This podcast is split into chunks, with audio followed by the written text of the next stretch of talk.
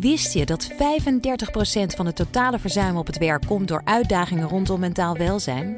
Met de psychologen en lifestyle-experts van OpenUp werken jouw werknemers online via één op één sessies, groepsgesprekken of cursussen aan hun weerbaarheid. Zo zijn jouw teams beter bestand tegen de uitdagingen van het dagelijks leven, thuis en op het werk.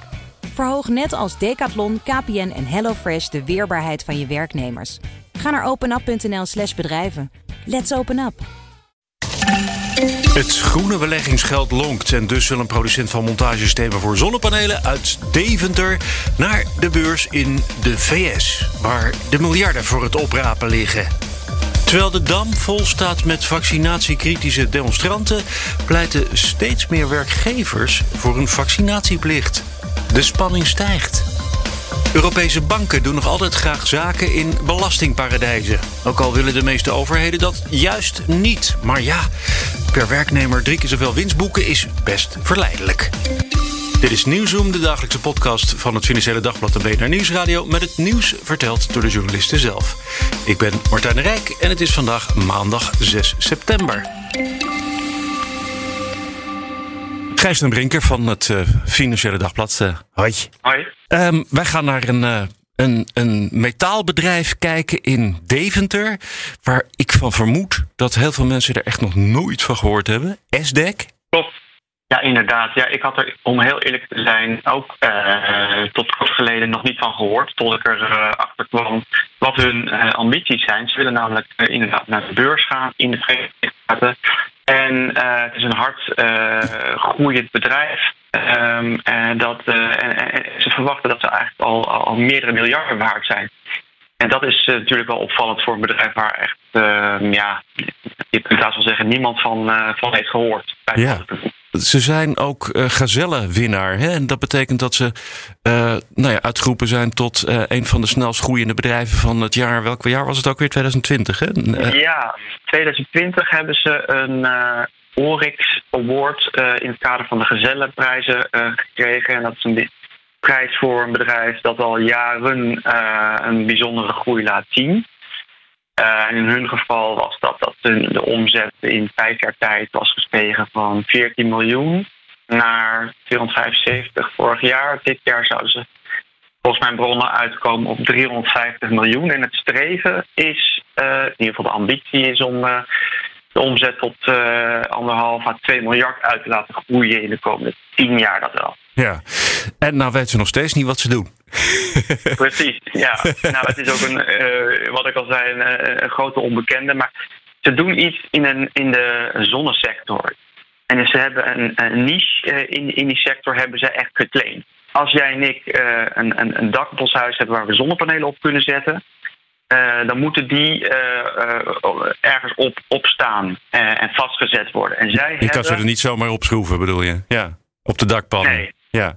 Nee, nee, precies. Nou, en zij hebben een, een, een, uh, eigenlijk de oprichter van het oprichters van het bedrijf, zijn twee broers uit Deventer, zijn inmiddels niet meer de eigenaar van het bedrijf overigens, hebben um, een methode bedacht waarmee je handig en, en, en sneller dan voorheen zonnepanelen eh, zeg maar, kan, kan bevestigen. Dus de, de, zeg maar, de, constructie uh, kan makkelijker met hun systeem worden bevestigd. Nou, inmiddels hebben ze ik geloof iets van 150 uh, patenten en nog uh, tientallen in de, uh, die eraan zitten te komen. en hebben ze een heleboel verschillende manieren. En, en dat is wat zij doen. Zij maken dus die constructies waar zonnepanelen op komen te liggen, die op daken liggen. Ja, en ik heb nog eventjes op hun website gekeken, waar je inderdaad heel veel prachtige golvende landschappen met zonnepanelen ziet. Op fabrieksdaken, maar ook op gewoon de daken van van, van particulieren, van, van jou en mij. Maar ze hebben al 6 miljoen zonnepanelen gelegd, uh, vertellen ze zelf. En uh, dat is in totaal voor 7 gigawatt aan elektriciteit. En, en, en dat weet ik dan is ongeveer, pak een beet, een stuk of 15 hemwegcentrales. Zoals die in Amsterdam uh, zojuist zijn ges, gesloten. Van die hele grote kolendingen. Ja. D dus, dus, nou ja, dan tel je wel mee. En dan, ja. dan wil je naar de beurs. Ja, nou, ja, precies. Nou ja, overigens, eh, kleine kanttekening, ze leggen die dingen zelf niet. Hè. Ze doen er niet een installatie, ze, leveren, ze, maken, ze maken, certificeren, testen. Oh ja, gewoon okay. de constructeurs op kan liggen. Ja. En uh, verkopen ze aan groothandels en uh, die, installatiebedrijven. Precies. Ja, precies. Ja, ja. ja, ja.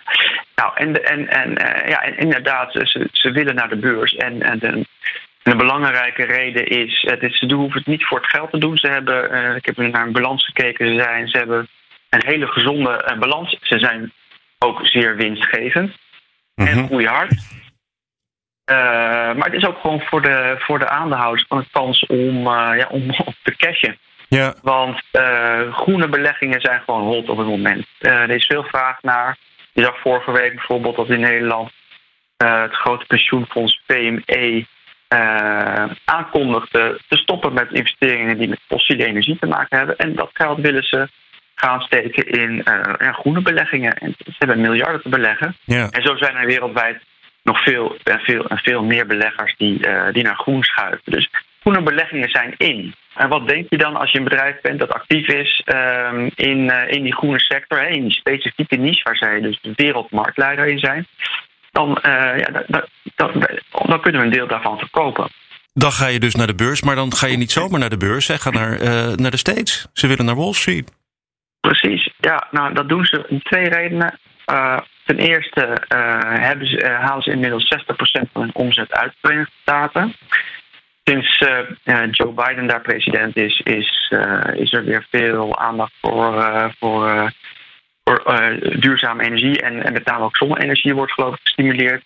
Mm dus daar zijn ze groot, maar los daarvan zijn er andere bedrijven daar echt zeer eh, in, in, in dezelfde branche zeer succesvol naar de beurs gaan. En een belangrijk peer voor hun in ieder geval, waar zij hopen dat beleggers uh, die ze willen aantrekken hen mee vergelijken, is het bedrijf Shoals Technologies. Nooit gehoord, ook alweer. wat, wat doen die voor iets raars, niche-achtigs? Die hebben ook een, ander, een niche geclaimd, inderdaad. En die maken uh, zeg maar elektriciteitssystemen om de opgewekte energie af te voeren en naar het net toe te brengen. Dus de stekkertjes, de, de, de, uh, de bedrading en wat niet nog meer daarbij te kijken. Ja, ja, oké. Nou, dan gaan we nu niet uh, speculeren over dat er ooit wel vast en zeker een, een fusie tussen die twee aan zit te komen. Uh, nee, dat, nee, dat, dat moeten we niet doen. Maar wat wel duidelijk is, dat bedrijf dat heeft echt heel veel geld opgehaald. Hè? Die zijn kleiner, begrijp ik. Die zijn in januari van dit jaar naar de Nasdaq gegaan, de Amerikaanse beurs waar veel technologiebedrijven aangenoteerd staan. Die kreeg toen een beurswaardering van een waardering van uh, 4 miljard dollar ruim. Wauw. En inmiddels, ja, wauw, ja. precies. Want dat is, dat, en inmiddels zijn ze is de, eh, is de koers verder gestegen en zijn ze 5,6 miljard dollar waard. Uh, en dat komt gewoon neer op 20 keer de omzet, de huidige omzet van het bedrijf. Het is gigantisch. Wacht even hoor. Ja, dan hebben we nu uh, over een bedrijf met een omzet van, wat was het ook weer, 3,50 per voor het afgelopen jaar. Als we dat keer 20 doen, dan, uh, dan gaan we nog over dat Charles heen. Ja, ik, ik kan het me haast niet voorstellen. Misschien is dat SDEC ook iets meer van oude, oude technologie. Ik weet, weet, het niet precies hoor, ik ben daar niet een mhm. specialist in. Het, het zijn bed, uh, krankzinnige bedragen, want ze maken gewoon stalen constructies uiteindelijk. Ja. Die op daar komen te liggen. En, uh, en, dat zijn wel erg, erg grote bedragen. Maar daar, je moet wel toegeven, ze groeien hard, hebben een, echt een uitstekende uitgangspositie. En, uh, ja, en, en, beleggers zijn toch wel weer op zoek naar uh, bedrijven die uh, ja, lopen toch ook een beetje achter elkaar aan. Dan kun je ook wel zeggen, er is al sprake van een beetje van een gekte rond dit soort groene energiebedrijven. Ja. Ik, ik, moet eventjes terugdenken aan die twee broers die het ooit begonnen zijn en die er al lang niet meer in zit. Die denken ook van. Nou, ja, ja, ja, nou, ik denk niet dat je, dat je, dat je medelijden met ze hoeft te hebben, want die hebben hun uh, bedrijf uh, in twee stappen verkocht. 2015, 2018 zijn daar uh, zeer vermogend van geworden. Maar ja, de echte klapper die wordt nu gemaakt door, door de huidige eigenaar. Dat is Gilde Buyout Partners, een grote Nederlandse private equity maatschappij. En de huidige CEO, die, zit ook een grote pluk. Die is al eigenlijk eh, een paar jaar eerder ingestapt. En uh, ja, die geloof, als een ondernemer, uh, die geloofde er erg in. En ja, en, en, die heeft het ook het, het groeiverhaal waargemaakt. Nou, we gaan het natuurlijk meemaken, Gijs ten Brinker van, van het Financiële Dagblad. dankjewel, waar Deventer allemaal groot in kan zijn, hè? Zeker, graag gedaan. We kregen mail van Fokke Dijkstra. Hij had het over de 30 kilometer zones in grote delen van de stad. Daarover had ik vorige week met collega Diederik de Groot een nogal kritisch gesprek. Nou, Fokke die denkt dat we het gewoon moeten proberen. Met het afgelopen jaar hebben we juist gezien dat de meeste mensen zich wel aan de regels houden in Nederland. Zo schrijft hij. Misschien klopt dat wel. Maar we houden nog best wel veel andere bezwaren over. Bijvoorbeeld dat uh, automobilisten dan die afsteker door dat woonwijkje nemen, waar het dan vervolgens drukker wordt. En ook de CO2-uitstoot van het verkeer zal toenemen om de simpele reden dat 30 rijden veel minder efficiënt is voor een auto. Maar uh, Fokker die wilde nog wat anders kwijt. Jullie zijn goed bezig, zo schrijft hij. Je geeft een eigen spin aan de podcast en dat vind ik heel knap. Uh, nou, dankjewel. Dat is een fijn begin van de week. En wij zouden heel graag naast onze schoenen zijn gaan lopen. Sterker nog, we zouden een paar dure nieuwe schoenen hebben gekocht... als we niet dat andere mailtje hadden gekregen... dat onze creditcard inmiddels is geblokkeerd... omdat we de periodieke klantverificatie niet hebben uitgevoerd. Of we even hier willen inloggen. Ja, uh, daar trappen we niet in natuurlijk. Wil je reageren? Nieuwzoom.bnr.nl of nieuwzoom.fd.nl En nou loopt de band. Julia Bokdam van eh, BNR Nieuwsradio. Hoi. Hallo. Hey, terwijl uh, het hele weekend, nee, afgelopen zondag moet ik zeggen, uh, de Dam vol stond met uh, 10.000 mensen die aan het protesteren waren tegen de priktatuur, zoals het dan tegenwoordig heet. Zo las ik in het Financiële Dagblad. Ja.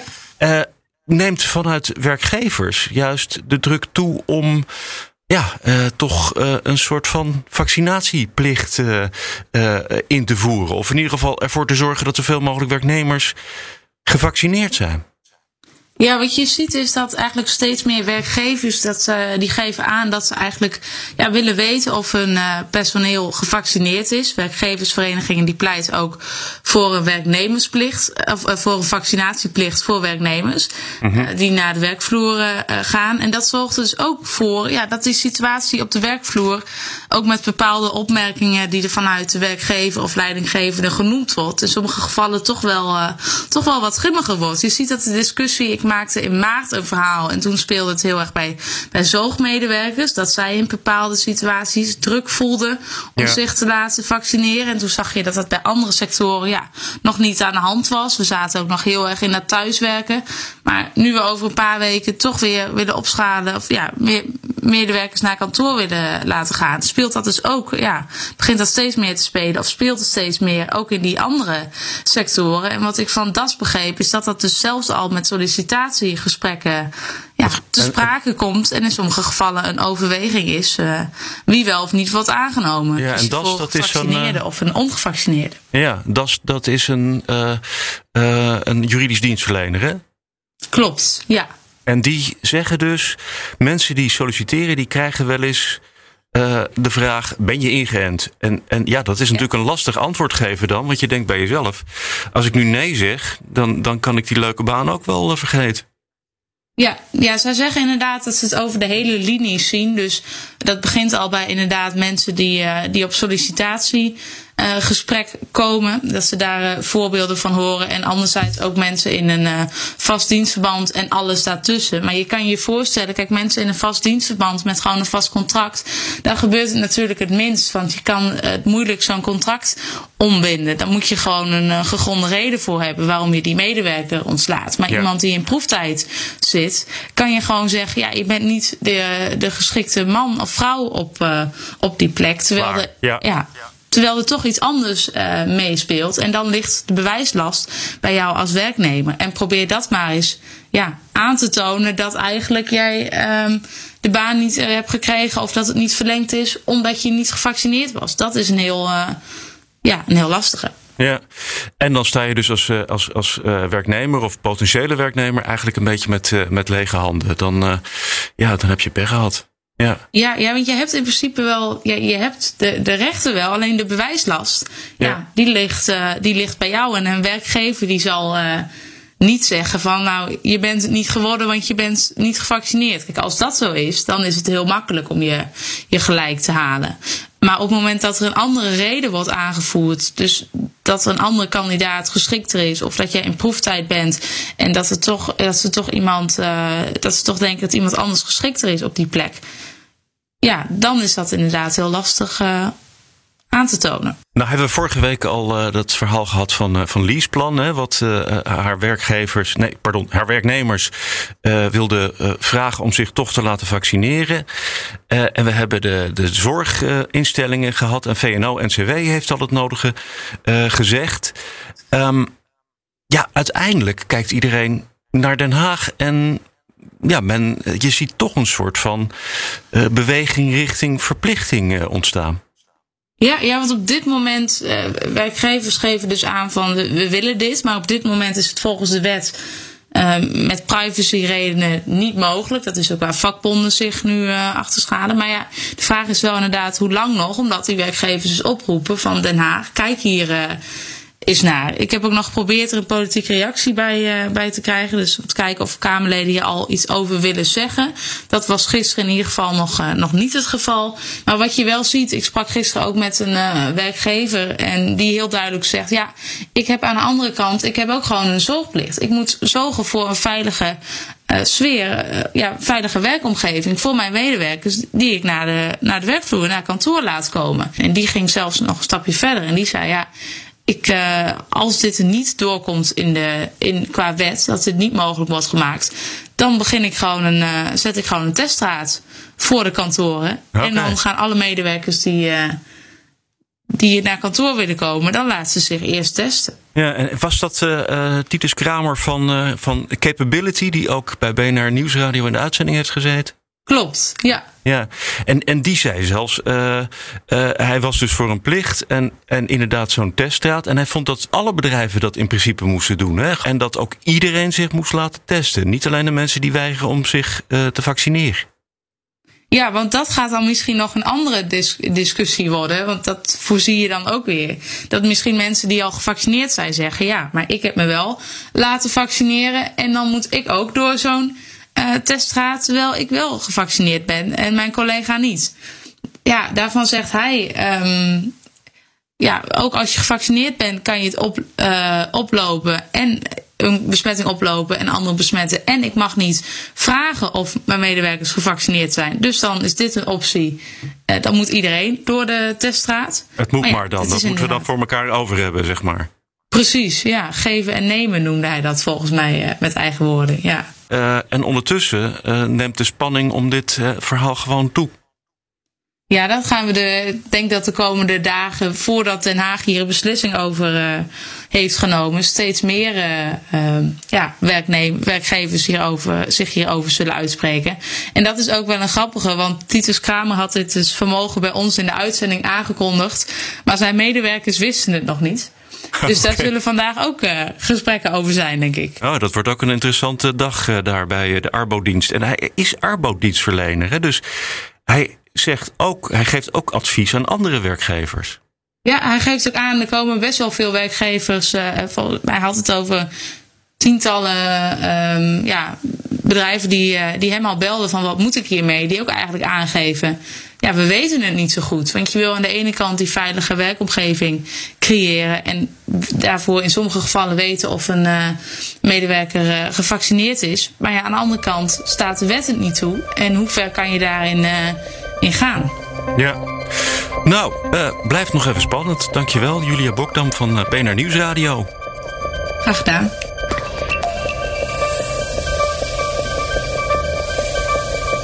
Laurens Berendsen van het uh, Financiële Dagblad. Uh, ja, die banken uh, die blijven nog altijd volop opereren in belastingparadijzen. Ja, er is onderzocht in hoeverre banken sinds 2014 in, in belastingparadijzen zitten. En de verwachting was toch enigszins dat, ja, dat, dat, dat dat minder het geval zou zijn dan zeven jaar geleden. Maar het blijkt dat als je de banken allemaal samenneemt, dat ze nog altijd evenveel winst uh, boeken in belastingparadijzen dan zeven jaar geleden het geval was. Terwijl overheden in allerlei internationale gremia hebben geprobeerd om uh, mm -hmm. het gebruik van belastingparadijzen zoveel mogelijk terug te dringen en te ontmoedigen. Ja, en als jij zegt ze boeken nog net evenveel winst in belastingparadijzen, zijn ze dan zelf bezig om hun eigen winsten richting belastingparadijs te verschuiven of is er wat anders aan de hand? Ja, dat, dat, dat, dat, dat weten de onderzoekers niet met zekerheid. Het is de, de, de onderzoekers, dat is het European, of de Europese Unie uh, Tax Observatorium. Oh ja, die mooie naam, ja. Een, mooie naam, onlangs opgericht en uh, met steun van de Europese Unie, maar wel een onafhankelijk instituut. Maar die zeggen van ja, kijk, het, we, we kunnen niet met zekerheid zeggen dat uh, banken de winst die ze in bijvoorbeeld Nederland of, of, of elders in Europa maken, naar die belastingparadijzen verschuiven. Wat, in, wat bij andere bedrijven wel vaak het geval is. Mm -hmm. uh, het kan gewoon ook zijn dat ze uh, ja, uh, de nodige klanten in die belastingparadijzen hebben zitten. En, en, en daar dan diensten aan verlenen. dus dat, dat kunnen ze niet met zekerheid zeggen. Het is dan wel zo, kijk, als ze dan die, die klanten in die belastingparadijzen hebben, dan zijn dat wel echt ook zeer winstgevende klanten. Met name als je het afzet tegen hoeveel winst er dan uh, per werknemer wordt gemaakt. Want uh, een, een, bank die uh, een, medewerker in een belastingparadijs heeft zitten. Zo'n medewerker die levert jaarlijks meer dan 2 ton euro aan winst op. Terwijl een medewerker van ABN AMRO die bijvoorbeeld in Nederland zit... Ja, die komt uh, net boven de 60.000 uit. Dus uh, het is heel erg winstgevend om, uh, om zaken te doen, in, ook voor banken, om zaken te doen in belastingparadijzen. Ja, nou ja, dan, dan ja. kun je wel een beetje uitrekenen dat ze dat gewoon ook wel zullen doen, hè, als het zo verleidelijk is. Ja, ja, nee, dat kun je dan verwachten. Maar goed, ja, het, uh, wat ik al zei, het staat natuurlijk wel haaks op het hele streven van, uh, ja, van veel overheden. En, en, en ook de internationale samenwerking die erop gericht is. Om juist het gebruik van die belastingparadijzen uh, terug te dringen. Ja, nou worden wij ook wel eens genoemd hè, als belastingparadijs. staan wij ook in dat rijtje van, van landen dat uh, als belastingparadijs nee, nee. wordt gezien door deze onderzoekers? Nee, nee, nee wij, wij, staan deze keer niet in dat lijstje. Er zijn allerlei verschillende lijstjes in omloop. Uh, de Europese Unie heeft zelf een zwarte lijst waar uh, nou ja, vooral de bekende eilanden, Bermuda, de Bahama's, de, de, Britse Maagdeneilanden opstaan. En dat soort, dat soort tropische oorden, zal ik maar even zeggen. Ja. Uh, op deze lijst staan ook wat Europese landen, met name Luxemburg en uh, Ierland staan erop. Uh, maar Nederland staat er niet op. En dat heeft met name ook te maken met nou ja, dat het niet zo is dat buitenlandse banken per, werk, per werknemer dat astronomische bedrag van meer dan 2 ton hm. verdienen als ze in Nederland gevestigd zijn. Plus dat we in Nederland hebben natuurlijk ook een vrij hoog belastingtarief in de VPB van 25 procent. Ja, dat wou ik net zeggen. Ik bedoel, de belastingdruk hier is natuurlijk niet uh, per se uh, laag. Uh, het is meer dat je nee. allerlei dingen slim kunt boeken. En, en dan zitten we dus meer in de tussenhandel, zou ik maar zeggen. Ja, Nederland is, is Nederland staat internationaal inderdaad bekend als met name een doorsluisland. Ja. voor, multinationals in de, in de niet-financiële sector. Die, die winsten van elders in de wereld naar Nederland, eerst naar Nederland overboeken om het vervolgens uh, tegen nauwelijks of geen belasting dan uh, te stallen in een belastingparadijs. Ja, ja. Hoe, hoe, hoe, staan de Nederlandse banken er zelf voor? Ik bedoel, zitten die ook in al die uh, belastingparadijs? Nou, het is, uh, het, laat ik sowieso even zeggen dat het, het, het, onderzoek is mogelijk omdat banken sinds 2014 verplicht zijn om per land op te geven Um, wat voor activiteiten ze daar hebben, met hoeveel mensen er zitten, uh, hoeveel winst ze er maken en hoeveel belasting ze daar, betalen. Dus vandaar dat we het bij banken goed in kaart kunnen brengen. Uh, wat voor andere bedrijven nog niet geldt. En voor wat betreft de Nederlandse banken, daar zien we dat ze de Nederlandse drie grote banken, dus Rabo, ABN en ING, die zitten allemaal ook wel een beetje in belastingparadijzen. Maar ze zijn wel de, de kleine spelers in die orde. Uh, Rabobank die, uh, die, zag zijn aandeel van de winst uit, uit belastingparadijzen toenemen in de periode. En, en zat in, uh, tussen 2018 en 2020 op 4,5% winstbijdrage uit, uit dit soort fiscale vrije havens. Bij ABN AMRO is het sterk afgenomen van, van, twee, van iets meer dan 2% naar minder dan 1%. En ook bij ING is het bijna gehalveerd van, van 8 naar 4%. Ja. Dus de Nederlandse banken lijken toch wat minder. Uh, ja. En dan wat, is wat, wat minder op dreef te zijn. Ja, dan is meteen de vraag natuurlijk van uh, wie zijn uh, wel de grote, nou ja, mag ik ze boeven noemen? Weet je wel, toch? Nou ja, ik, ik, ik zou ze niet boeven willen noemen, want kijk, het gaat het mag allemaal, met name om, ja. Het, het gaat om belastingontwijking. Ze rapporteren het in hun, in hun jaarverslagen. Dus het is niet zo dat er iets illegaals gebeurt. Maar goed, het wordt wel steeds meer als onmenselijk beschouwd. En dan is HSBC, een grote Britse bank, uh, ja, die, die is de koploper. Die haalt bijna 60% van zijn winst. Oh, wow. Of boekt althans bijna 60% van zijn winst in, uh, in belastingparadijzen. Dat is wel, dat is wel is heel aanzienlijk. Uh, toch dat is heel aanzienlijk. Dat is een hele grote bank.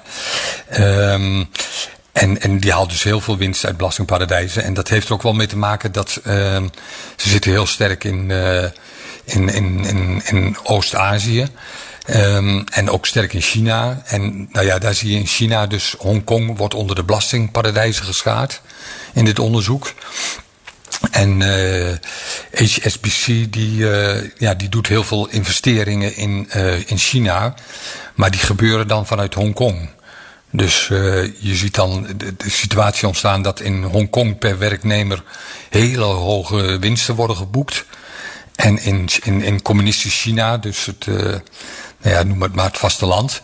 Uh, daar liggen juist die winsten per werknemer een stuk lager.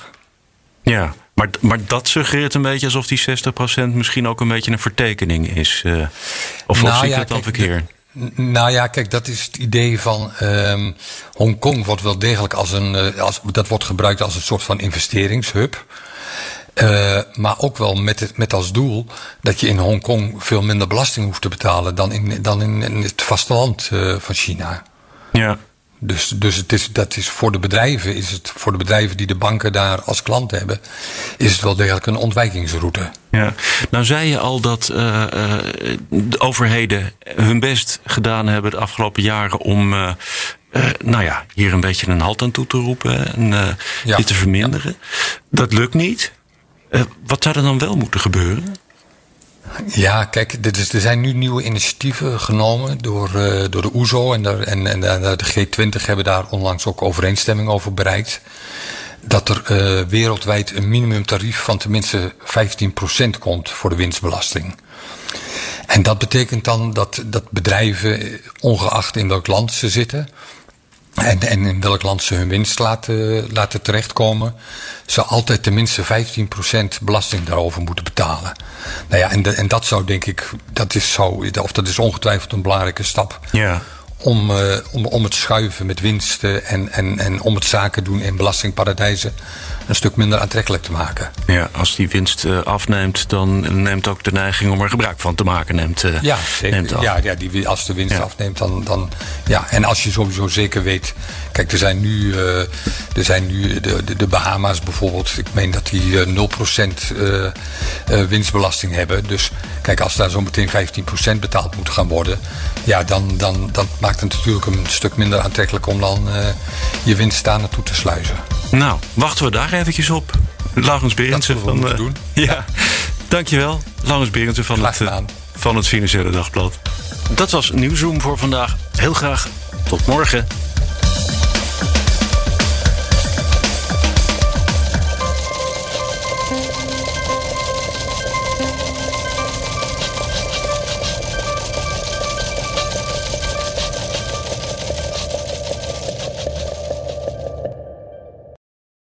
Ben Olivier van Solft. Betaalt u te veel huur of huurt u te veel kantoorruimte? Solft heeft de oplossing. Van werkplekadvies, huuronderhandeling tot de verbouwing. Wij ontzorgen u. Kijk voor al onze diensten op soft.nl.